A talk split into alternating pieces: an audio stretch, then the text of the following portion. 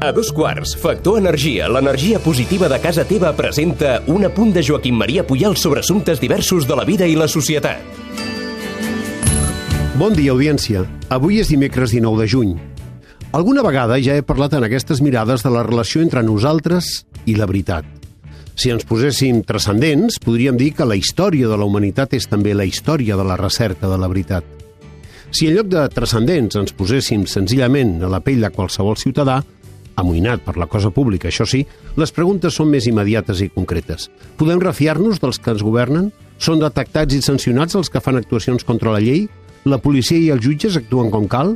La gent que paga els seus impostos pot tenir confiança en les garanties del sistema que organitza la nostra societat? La detenció ahir al matí a París de Michel Platini, expresident de la UEFA, per presumptes actes de suborn en relació a la concessió del Mundial a Qatar, o la comentada compareixença de Florentino Pérez abans d'ahir davant de la Comissió Parlamentària d'Investigació sobre el cas Castor, on va haver d'escoltar com la diputada Maria Sirvent li deia que és un exemple de socialització de pèrdues i de privatització de beneficis, són actuacions que ens fan pensar que alguna cosa funciona, però funciona del tot? Funciona del tot bé fins al final? Aquests dies, un nom que era Vox Populi a mitjans de la dècada dels 80 s'ha tornat a posar de moda, Txernòbil. I ens podríem preguntar, sabem ja del cert qui són els responsables del que hi va passar?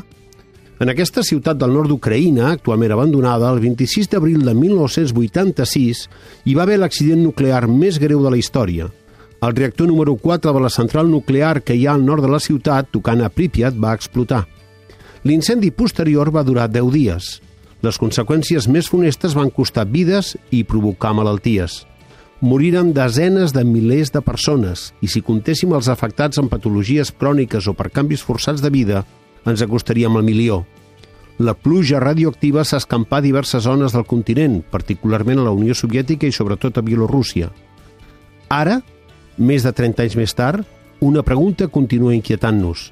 La radioactivitat de Txernòbil, quant temps durarà escampada per la Terra? Al celebrar el llibre de la Premi Nobel Svetlana Alexievich, traduït aquí l'any 2016 com a Pregària de Txernòbil, tracta d'això. La periodista bielorussa hi recull entrevistes amb més de 500 persones afectades per l'accident que són presentades com a soliloquis francament amens. A partir d'aquí, amb gran èxit de crítica i públic, HBO ofereix la minissèrie Chernobyl. És una producció anglo-estatunidenca que vol seguir l'estela de l'impacte d'audiència de Joc de Trons. Però el que s'hi diu no és del gust del Kremlin, que hi veu propaganda occidental – i el Ministeri de Cultura rus ja està promocionant un producte audiovisual per donar una altra versió dels fets. Sí, com sigui, el que és clar és que no han de ser els guionistes de la ficció televisiva els encarregats d'esclarir les coses que han passat i que han tingut conseqüències greus. Però ja se sap que l'activació de les emocions és un bon generador d'audiència.